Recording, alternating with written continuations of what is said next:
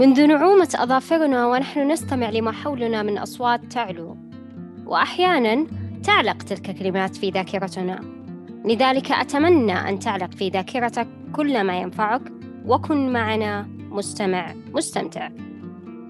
هذا بودكاست أربعين دقيقة نستضيف فيه شخصيات تحدثنا عما في جوفها من معرفة وعلوم مختلفة.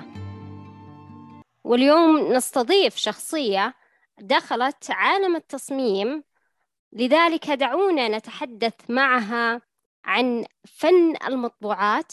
أهلا أهلا أستاذة حنان. حياك الله حياك الله. أعرف المستمعين عن نفسك. المصممة حنان ثابت. صممت في عدة تصاميم مثل المطبوعات مثل بوستات ال social media مواقع الإلكترونية تطبيقات الهواتف الذكية.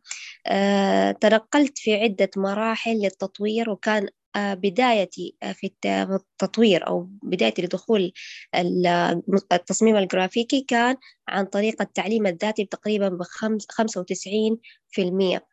بعد كده التحقت في جامعة عفت للحصول على شهادة للحصول على شهادة دبلوم graphic designer وأكملت مسيرتي بعد كده بالتطوير الذاتي حتى وصلت تقريبا للسنة اللي فاتت وحصلت على خبير معتمد في التصميم المرئي من شركة Adobe العالمية وحصلت على ثلاثة شارات الشارة الأولى كانت للبرنامج ال Photoshop برنامج ال Illustrator والشارة الثالثة الأخيرة. كانت في التصميم المرئي مدربة معتمدة من عدة جهات. حصلت على عدة شهادات في التدريب المدربين وحصلت على رخص دولية منها كانت من الأكاديمية العالمية للتطوير البريطاني أيضا أكاديمية الشرق الأوسط. طبعا حصلت على هذه الشهادات بعد تدريب على يد الأستاذة مريم فاقر في مركز المبدعون في جامعة الملك عبد العزيز أيضا الدكتور محمد عبد المجيد والدكتور ماجد قنش. بعد ما شفت يعني ودخلت في عدة مجالات في ال graphic designer حسيت إنه وجودي أساسي أو مهم في أو حصلت على إنه أنا أتخصص أفضل في المطبوعات وال packaging وعشان أنا أوصل لهذه المرحلة يحتاج مني أنه أنا أتعلم وأتعرف على الهوية البصرية والشعار. فمسكت تقريبا المجال هذا من الشعارات هويات بصرية مطبوعات وباكجينج حتى آه وصلت لمرحلة إنه أنا عشان أتقن العمل بطريقة احترافية إنه أنزل مطابع وأشوف إيش الأشياء الكويسة والأشياء اللي كويسة وإيش اللي يتطلب من المصمم. تقريبا هذا نبذة مختصرة عني. ما شاء الله. نجاحات مشرفة ما شاء الله تبارك الله. عسى الله يزيدك يا رب. آمين يا رب. الله يسعدك. أستاذة حنان آه، متى بدأتي بأول كتيب آه، ورقي في الطباعة؟ وتصميم علبة لهدية أو لمتجر؟ هنا على مرحلتين. لأنه المطبوعات في عندنا مثلا الهويات بصرية في عندنا بروفايل في عندنا الكتب. هذه مرحلتها كانت في بداية دخولي للمجال. آه كان بداياتي بدأتها في أحد الشركات بعد كده آه يعني اشتغلت فيها تقريبا أو بديت فيها في البدايات. بعد خروجي من الشركة بأربع سنين تقريبا وصرت أشتغل لحسابي الشخصي اللي هو ك freelancer. آه بديت أتعاقد مع شركات أتعاقد مع مشاريع ناشئة فبديت بعدها يعني أحصل على طلب طلب في موضوع ال packaging والتقارير السنوية والكتب بعدة صفحات. يعني زمان في ال profile كنت أخذ تقريبا الصفحات اللي عشر صفحات maximum. بعدها لا صرنا نشتغل على صفحات أكثر. فهذه تقريبا كانت بدايتي. يعني هي كانت تنقسم على مرحلتين. حلو. آه، أستاذة حنان ما هي أفضل البرامج لتصميم المطبوعات من علب أو كتيبات؟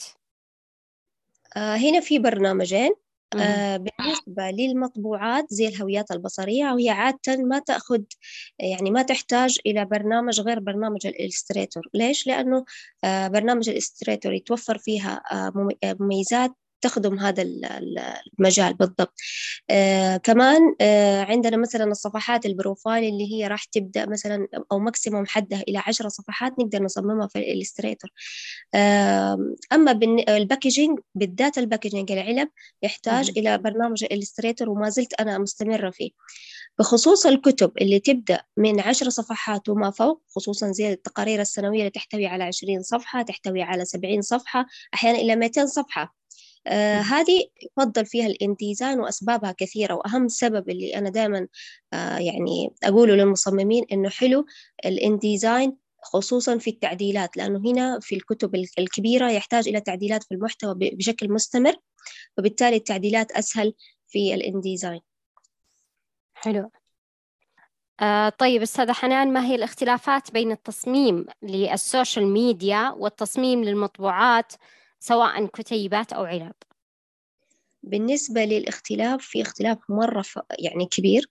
آه في البوستات ال social media أو عموما في مواقع الإلكتروني أو في تطبيقات آه في واجهات التطبيقات آه الهواتف الذكية هنا اللي أنتوا راح تصمموه أو اللي راح نصممه على البرنامج هو نفسه اللي راح ينعرض الاونلاين ما يحتاج إنه نحن نعرف نخاف من شكل اللون أو من شكل ال post إنه ممكن يعني آه، يختلف آه، في مرحلة من المراحل أو في مرحلة رفعه على ال social media آه، أو أو رفعه عموما أونلاين زي ما نحن صممناه.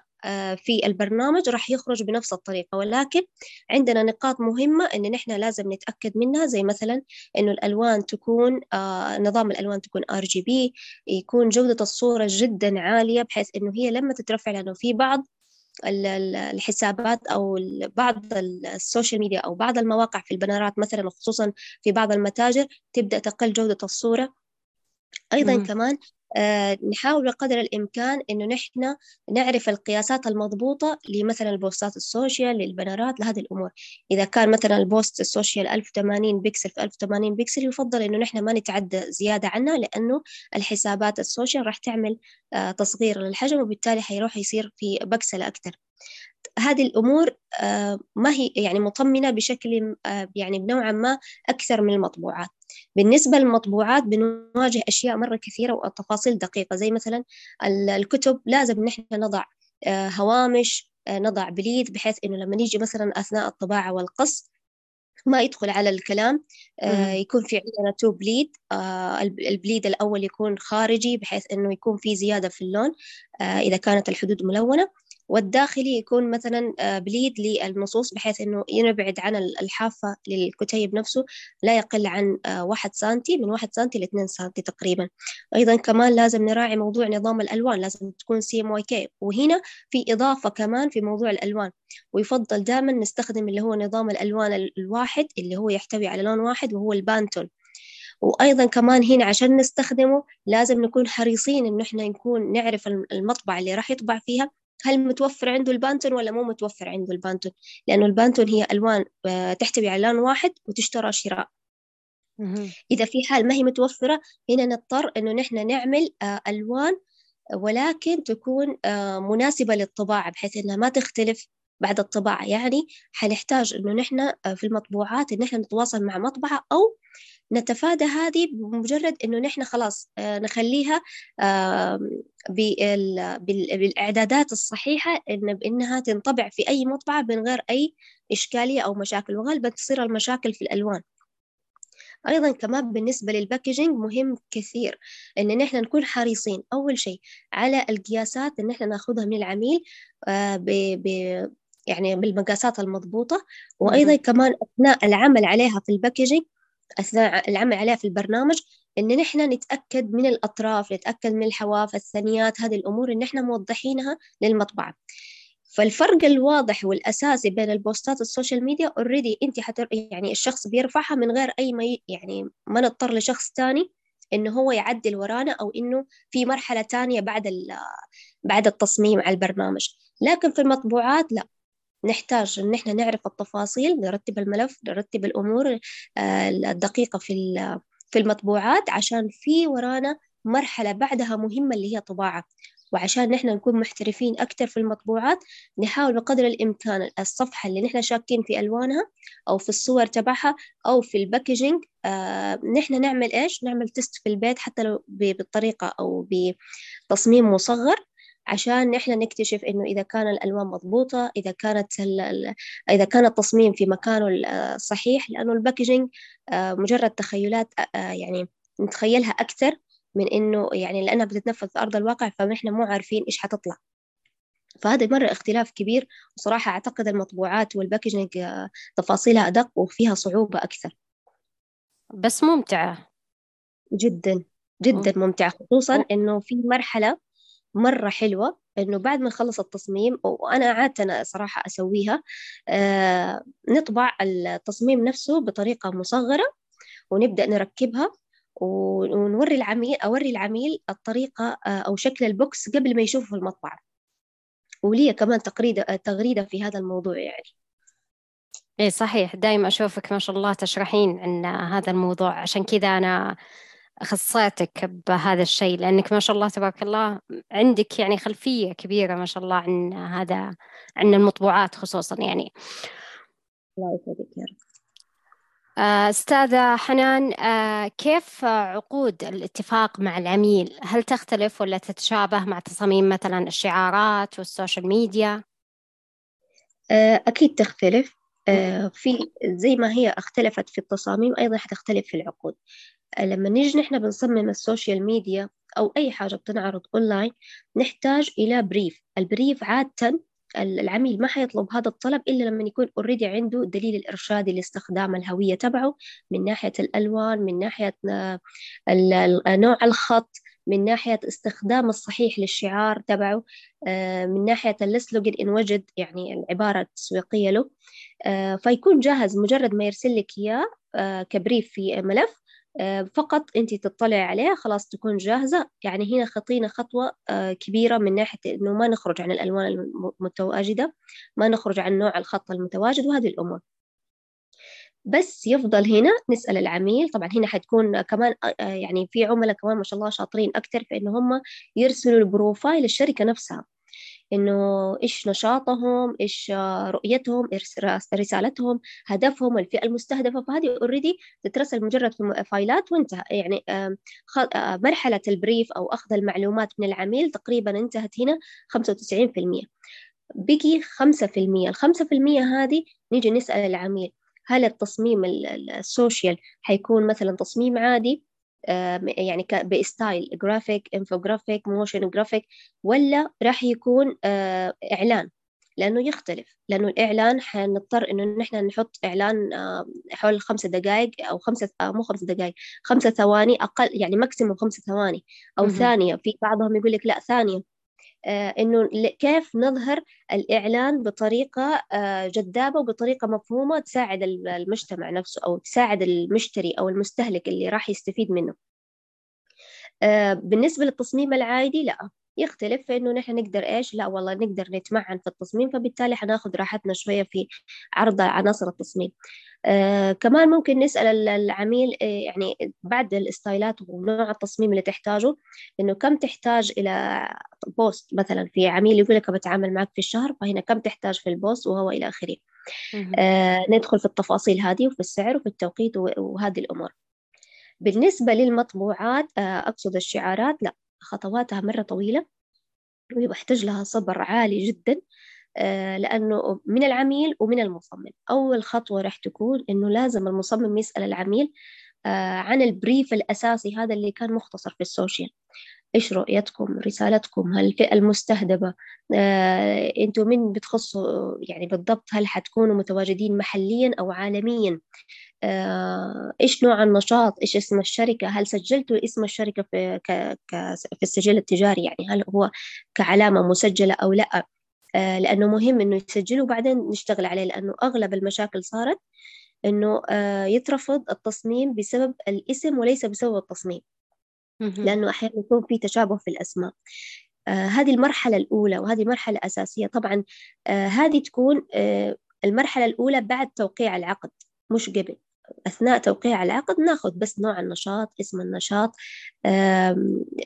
إيش تفضل في يعني كم المدة اللي أنت متوقعها عشان نحن نحطها في من ضمن خطة المشروع أو من ضمن العقد. ومن ضمن الشروط السعر الأشياء هذه. المرحلة الثانية وهي مرحلة مرة مهمة هي البحث عن منافسين. ممكن يزودنا فيها العميل أثناء البريف وممكن يقول لا أنا ما أعرف. والغالب لا يعرف لأنه هو متواجد في السوق خصوص خصوصا إذا هو تواجد له فترة في السوق. آه، فإذا ما يعرف فهنا وظيفة المصمم إنه يبحث عن المنافسين ويعمل تغذية بصرية. التغذية البصرية اللي دائما بينفهم عند المصمم إنه نحن نعمل تغذية بصرية فقط في نفس آه، نشاط الشركة اللي طلبت التصميم. لا التغذية البصرية عادة بتكون موسعة أكثر أول شيء راح نعمل بحث على المنافسين وبعدين راح نعمل تغذية بصرية في نفس النشاط والمرحلة الثالثة نعمل تغذية بصرية في عدة أنشطة أخرى. لأنه سبحان الله بتجينا فكرة من نشاط تاني مختلف بس نقدر نستخدمها آه، بطريقة معينة بحيث إنها تخدم آه، النشاط اللي إحنا شغالين عليه. بعد كده نبدأ مرحلة السكتش. وهذه مرحلة مرة ممتعة. المرحلة هذه مو شرط إنه أنا من بداية ما أمسك سواء كان عن طريق الأيباد في ناس ما شاء الله تبارك الله في الأيباد آه وفي ناس عن طريق الورقة والمرسام. أنا صراحة من الناس اللي أفضل الورقة والمرسام. أعمل أول شيء اللي هو الشبكة تبع الشبكة اللي فيها اللي هي بتلخص آه البريف الكامل اللي أخذناه من من العميل. آه بنحط نقاط القوة ونقاط الضعف. إيش الشيء اللي راح نظهره في الشعار وإيش الشيء اللي راح نحاول نظهره ولكن بطريقة ما هي قوية. يعني يعني بعد ما الشخص يطالع في الشعار راح يعرفه مع الوقت. آه هذه الشبكة مهمة جدا. آه بعد كده لما بعد ما ننتهي من الشبكة راح نرسم السكتشات الخاصة بالشعار.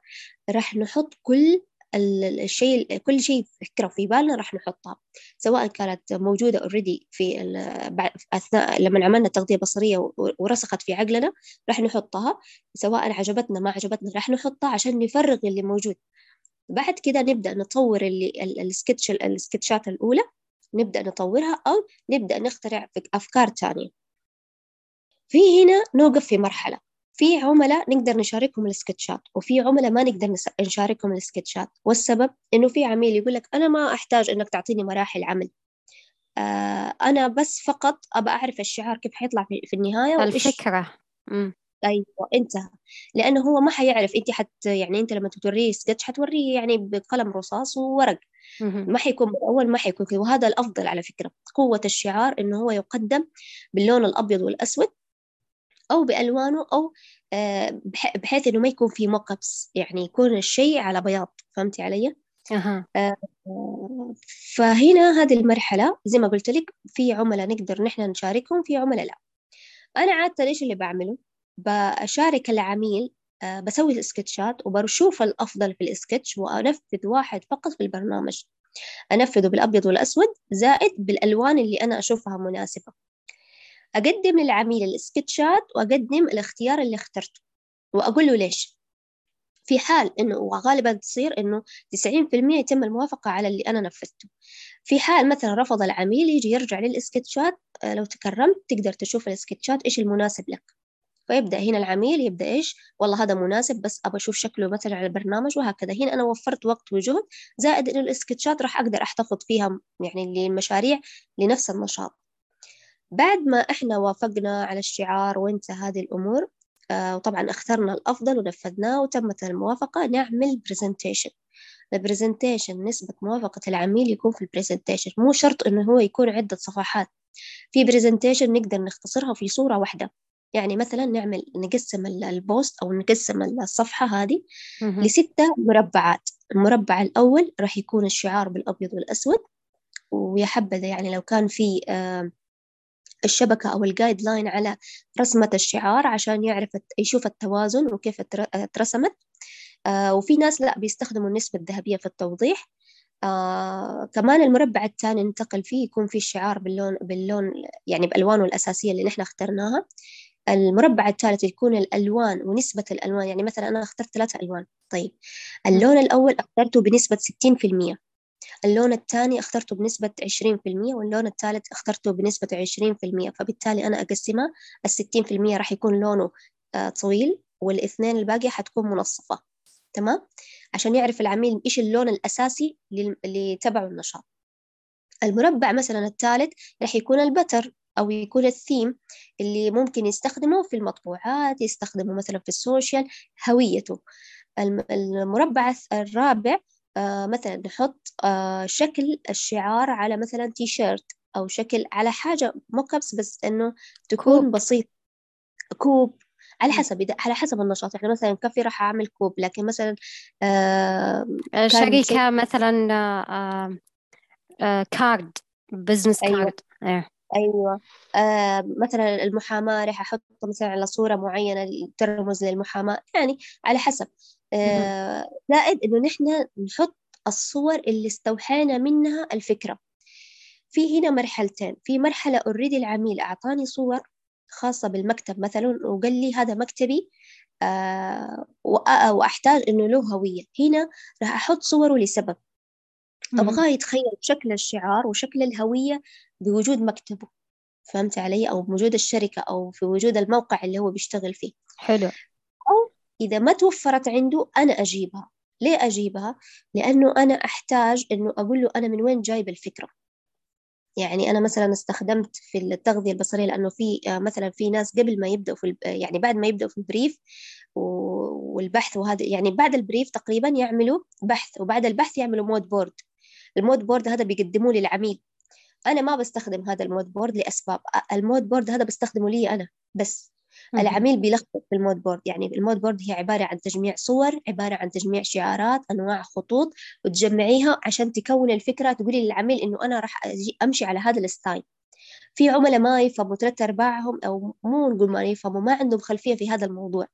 لما تيجي ترسلوا لي إياه على باله إنك أنت راح تعملوا له نفس الشعار اللي موجود أو نفس الخط اللي موجود. لا هي هي ال mood board شيء ثاني تماما. أنا فقط أبى أوصل لك هل هو حيكون نوع الشعار رمزي ولا نصي ولا آه كيف شكل الخط آه كيف حيكون الألوان إيش فهمتي علي؟ فهمت. فقط ال style لكن في عملاء ما يتفهم دي النقطة فبالتالي أنا حذفتها وخليت ال brief خليت ال mood board لي أنا بس فهذا ال mood board أنا بستخدمه في آخر مرحلة في ال presentation راح أحطه من ضمن إيه الست البوكسات أو الثمانية البوكسات اللي حاطاه إنه والله لما أجي أشرح للعميل ترى هذا الشعار أخذته من مثلا من ورقة الشجرة الفلانية للتعبير عن كذا. أخذتها من مثلا آه، الطبيعة للتعبير عن هذا الش... آه، عن هذه الفكرة. الألوان مستوحاة مثلا من الطبيعة إذا كان مثلا يرمز على شيء طبيعي أو منتجات طبيعية. الألوان ترمز مثلا آه، إذا كانت ترمز على محاماة أخذتها للدلالة على واحد اثنين ثلاثة. فهمتي علي؟ آه نعم. هذه النقاط اللي مرة مهمة وآخر نقطة اللي هي البرزنتيشن هي مرة مرة مرة مهمة. تسوي فرق في الموافقة للعميل. حلو. آه، أستاذة حنان آه، ما هي الصعوبات التي واجهتك في بدايتك في هذا المجال؟ فن المطبوعات؟ الصعوبات في البداية أنا واجهتني إنه كيف أتخيل شكل المطبوعات على أرض الواقع. يعني أنا لما أجي أصمم آه، مثلا عندنا الباكجينج. في آه، جهة اللي هي حتكون يمين وجهة تكون يسار وجهة في الأعلى وفي الأسفل. طيب أنا لما أجي أحط التصميم هل التصميم هذا المفروض أحطه مقلوب ولا أحطه كما هو؟ لأنه نحن عندنا لسه في ثانية. لما نيجي نثني التصميم حيكون بهذه الطريقة. لو ثنيناها بالطريقة الثانية هذه الصعوبة اللي واجهتها جدا. آه واجهت صعوبة في موضوع زمان. آه ما كان في شيء اسمه إنه نلاقي ال die cut لل packaging متوفر. الآن لا والله في مواقع بتوفر لي ال die cut آه مع العلم إنه أنا تعلمت كيف إنه أعمل ال die cut بنفسي فبالتالي صار سهل علي إنه أنا أستخدم وأعرف فين مكان الثنية ومكان الطي ومكان اللي حيكون اللي حيصير فيه قص وهذه الأمور. آه كمان واجهتني موضوع الألوان. كان زمان بختار الألوان عشوائي وما كنت أعرف في ألوان خاصة بالطباعة وفي ألوان خاصة بال... بالأونلاين العرض الأونلاين. زايد ما كنت أعرف إنه في شيء اسمه لون Pantone نقدر نستخدمه في المطبوعات ويكون لون واحد عبارة عن لون واحد ويكون متوفر.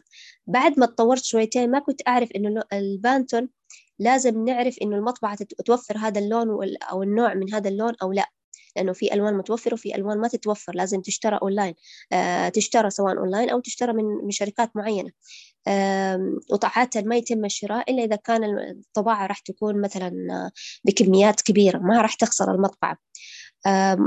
بعد زيارتي للمطبعة المطابع مؤخرا اكتشفت أشياء جديدة علي وكانت زيارتي آخر مرة كانت للخطوط السعودية. اكتشفت إنه أحيانا لما ما تتوفر البانتون لون البانتون اللي بيختاره آه، بيعملوا خليط لون. وهذا الخليط مو دائما يكون يعني مو دائما المطابع بتتقنها مو كل المطابع بتتقنها. بيعملوا خليط للون عشان يوصلوا للون هذا. هنا وفروا على نفسهم تكلفة في شراء اللون لأنه البانتون غالي شويتين.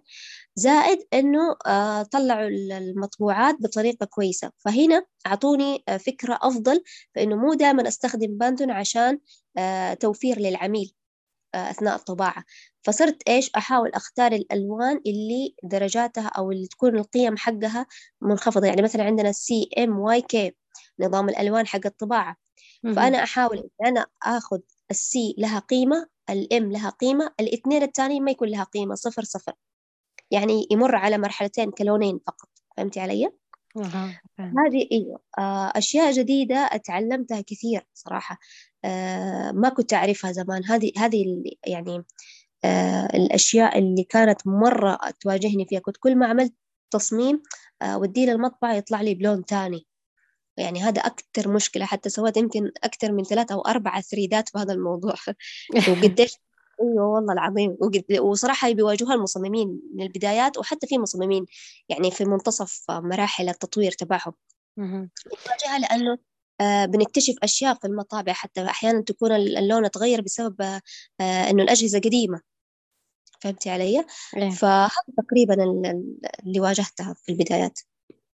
أكيد في كل بداية لازم آه، في أشياء معينة ما تضبط يعني من أول مرة لدرجة إنك يعني لازم آه، تتعلمين أو تحاولين أكثر من مرة وتعرفين وش المطابع اللي تكون ممتازة وش المطابع اللي آه، أتجنبها يعني هي مسألة ممارسة صحيح؟ وما زلنا أكيد طبعا وما زلنا. يعني إلى الآن بتصير في تطورات آه، يعني بزيادة. يعني في البداية كان ما في شيء اسمه Pantone وبعدين صار في Pantone وبعدين صار في آه، مشاكل الأجهزة إذا كانت أجهزة الطباعة قديمة أو جديدة. بعدين كلها مراحل تطور. طب أنا كيف آه، أختصر هذه الأشياء؟ والله قلت خلاص ما في إلا إيه؟ ننزل المطبعة ورحت عدة مطابع وبناء عليها عرفت طب الدايكت هذا كيف حيصير؟ طب هذا إذا ما هو متوفر عندي إيش حيصير؟ إيش المفروض اللي أطلبه من العميل؟ هذه كلها كلها فادتني كثير وما زلنا. كل مرة لازم نتطور بزيادة عش... لازم أعرف الجديد في المطبوعات عشان أقدر أقدم أزود بطريقة محترفة. صحيح. آه، أستاذة حنان رسالة اليوم منك إلى المستمعين. والله عندي آه، رسالتين. الرسالة الأولى ابدأ لا تصل. لا تقول إنه مثلا والله أنا راح أتعلم راح أتعلم راح أحضر دورات وتحضر دورات وما تبى تبدأ لأنك خايف إنه مثلا تخفق في وسط الطريق. مستحيل إنه أنت راح تعرف أو إنك أنت راح تتعلم إذا أنت ما بديت. النصيحة الثانية أو الرسالة اللي أقدمها الثانية جرب لتحترف. ما في حاجة راح تحترف فيها من غير تجربة. المرة الأولى راح تجرب مثلا تصميم آه، مثلا آه، تقرير. راح يكون مثلا مش عارف كيف تعمل توزيع للعناصر ممكن ما تعرف آه، كيف تعمل النصوص أفقية ولا عمودية. هذه الأمور كلها اللي راح تواجهها. كيف حتعرف إذا ما جربتها؟ جربها. لازم نجرب عشان أنا أعرف بعد كده أتفادى. آخر تقريبا معلومة عرفتها في التقرير السنوي لمؤسسة عبد العزيز الجميح ما كان عندي خلفية بالعادة لما أجي مثلا بحط الصور بسحب الصورة للبرنامج وبحطها. اكتشفت إنه عشان أنا أخذ جودة عالية وتقرير محترف في الطب... بعد الطباعة إنه يفضل إنه نحول الصورة من نظام ال RGB لأنه أغلب الصور أو كل الصور RGB إلى نظام CMYK وبعدين أستخدمها في التقرير. هذه نقطة كنت أغفلها وعرفتها. متى عرفتها؟ تقريبا قبل ثلاثة شهور. فهذه الأمور يعني هذه نصيحتين يعني إن شاء الله بإذن الله لو بديتوا فيها أو آه التزمتوا فيها راح توصلوا إن شاء الله بإذن الله. بإذن الله.